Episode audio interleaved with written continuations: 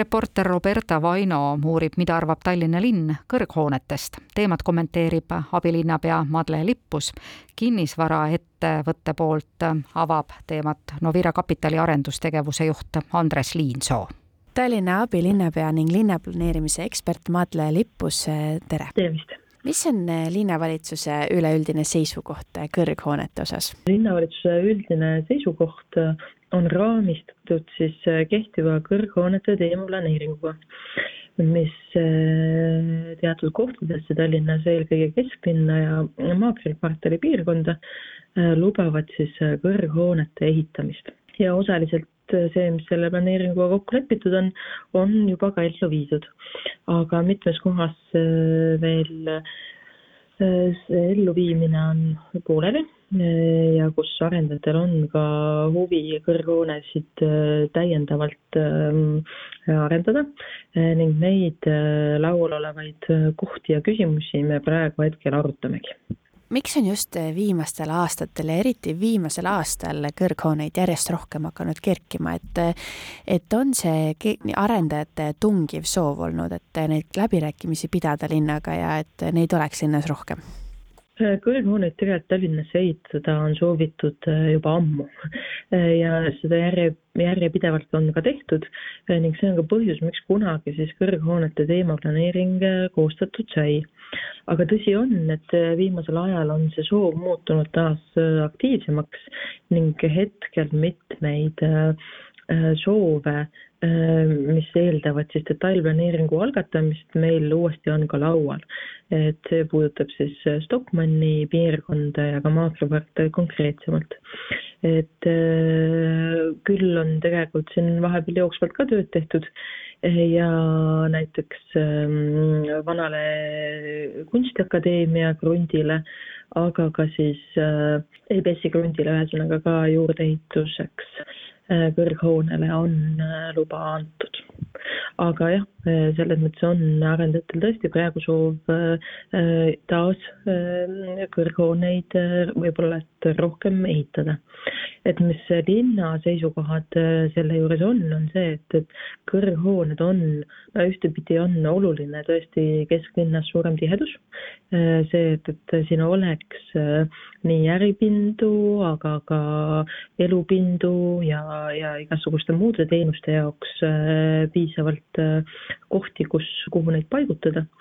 aga mis linna jaoks on oluline lisaks sellele, et äh, need hooned oleks siis mitmefunktsioonilised ehk et tuleks kindlasti juurde ka elanikke, on väga oluline kvaliteetse avaliku ruumi arendamine ehk et kuivõrd nad on suur koormus linnaruumile, et siis seda tasakaalustaks kvaliteetse avaliku ruumi Äh, mida on võimalik ka jalgsi läbida, äh, selle kasv ja loomulikult ka linnahaljastus. kuhu suunas me laiemalt liigume linnaplaneerimise osas, et äh, kust tuleb ette see piir, et rohkem kõrghooneid ei lubata ning rohkem ka uusarendusi ei lubata, et kas on ka võimalus, et kõrghooned liiguvad piirkondadesse, kus neid varasemalt ei ole olnud või see kokkulepe seda ikkagi veel ei luba?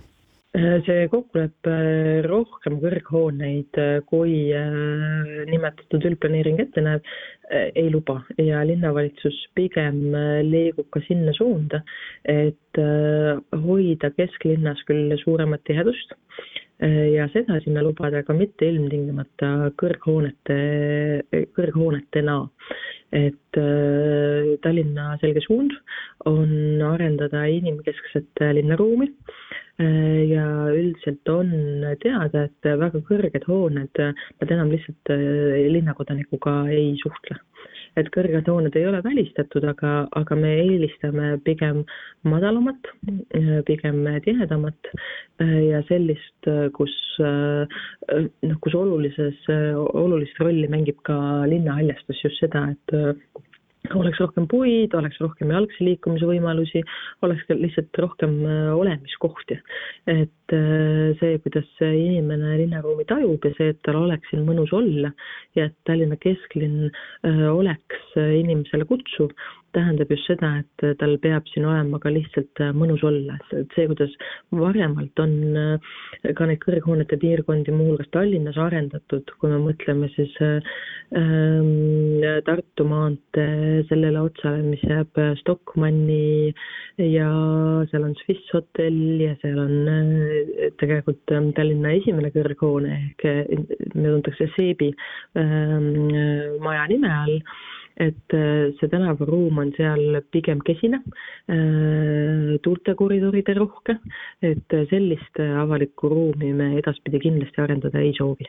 kuidas üldse lahendada selline konflikt, et ühelt poolt on kõrghooned ning uusarendused majanduslikult kasulikud äh, nii äripindade mõttes kui ka kinnisvaraettevõtetele ja teisalt tahame säilitada vanu elamuid ja neid, nende nii-öelda renoveerimisega tegeleda, et kui palju te linnaplaneerimise tagatubades selliste küsimustega tegelete? Nende küsimustega tegeleme me igapäevaselt, et äh, ja siin ongi vaja lihtsalt läbi rääkida osapoolte vahel, et siis see kompromiss leida. et äh, neis piirkondades küll alati säilitatavaid vanu hooneid äh, nii palju ei ole, kuigi on ka mõned, näiteks Luminori maja kõrval Liivalaia tänava ääres paar sellist säilitatavat hoonet on aga eks siis tulebki leida need kompromissid, mis väärtustaksid seda vana ja olemasolevat, aga võimaldaksid ka siis täiendava, täiendavate mahtude rajamist, aga noh, loomulikult alati ikkagi selliselt, et see linnaruumi rikastaks. Madle Lippus, suur aitäh vastamast! Kinnisvaraettevõtte Novira Capital partner ning arendustegevuse juht Andres Liinsoo, tere! tere! kui palju on Novira Capital üldse tegelenud kõrghoonete rajamisega?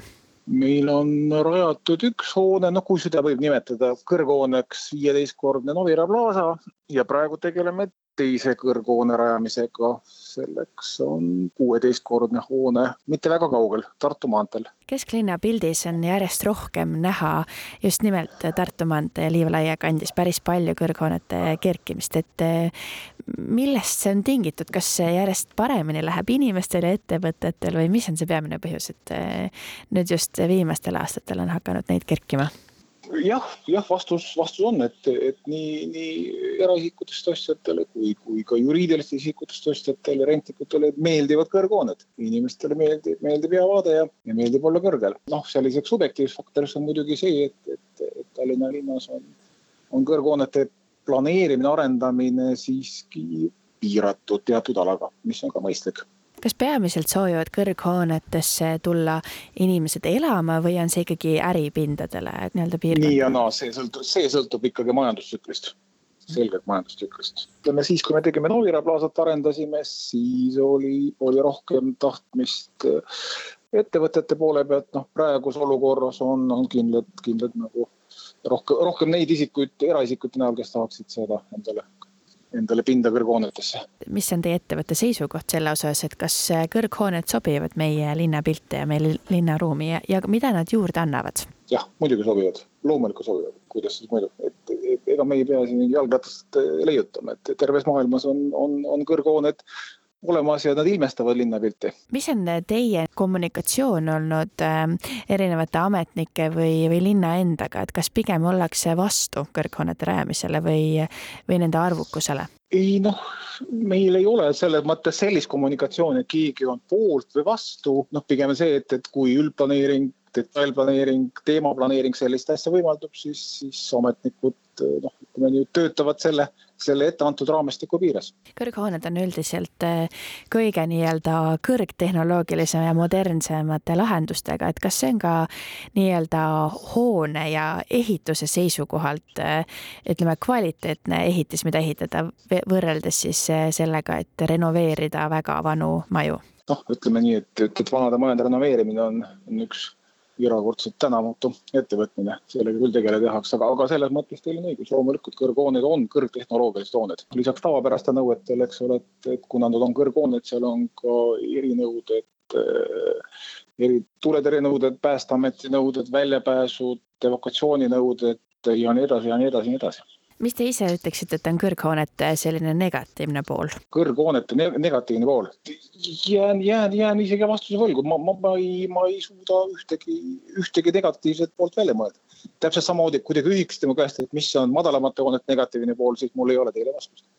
Nad on erinevad Nad on toredad, nad on ägedad, aga nad on erinevad. kui kasumlik on üks, üks kõrghoone projekt kinnisvaraettevõttele võrreldes näiteks siis äh, uusarenduse piirkonnaga? ega, ega üheski nagu arendusprojekti kasumlikkusega ei saa rääkida sellest, kas ta on kõrghoone, kas ta on või on ta madalam hoone. kasumlikkuse määrab ikkagi see, et, et, et millele, kuidas on vastav kinnistu ostetud, milline on parajasti ehitushind, milline on turu ja turu olukord, pakkumise nõudluse suhe et selles mõttes sellist, sellist, sellist, sellist väidet küll keegi, ükski arendaja teile ei ütle, et kõrghooned on kasumlikumad kui, kui madalamad hooned või vastupidi. Andres Liinsoo, suur aitäh vastamast! jah, palun!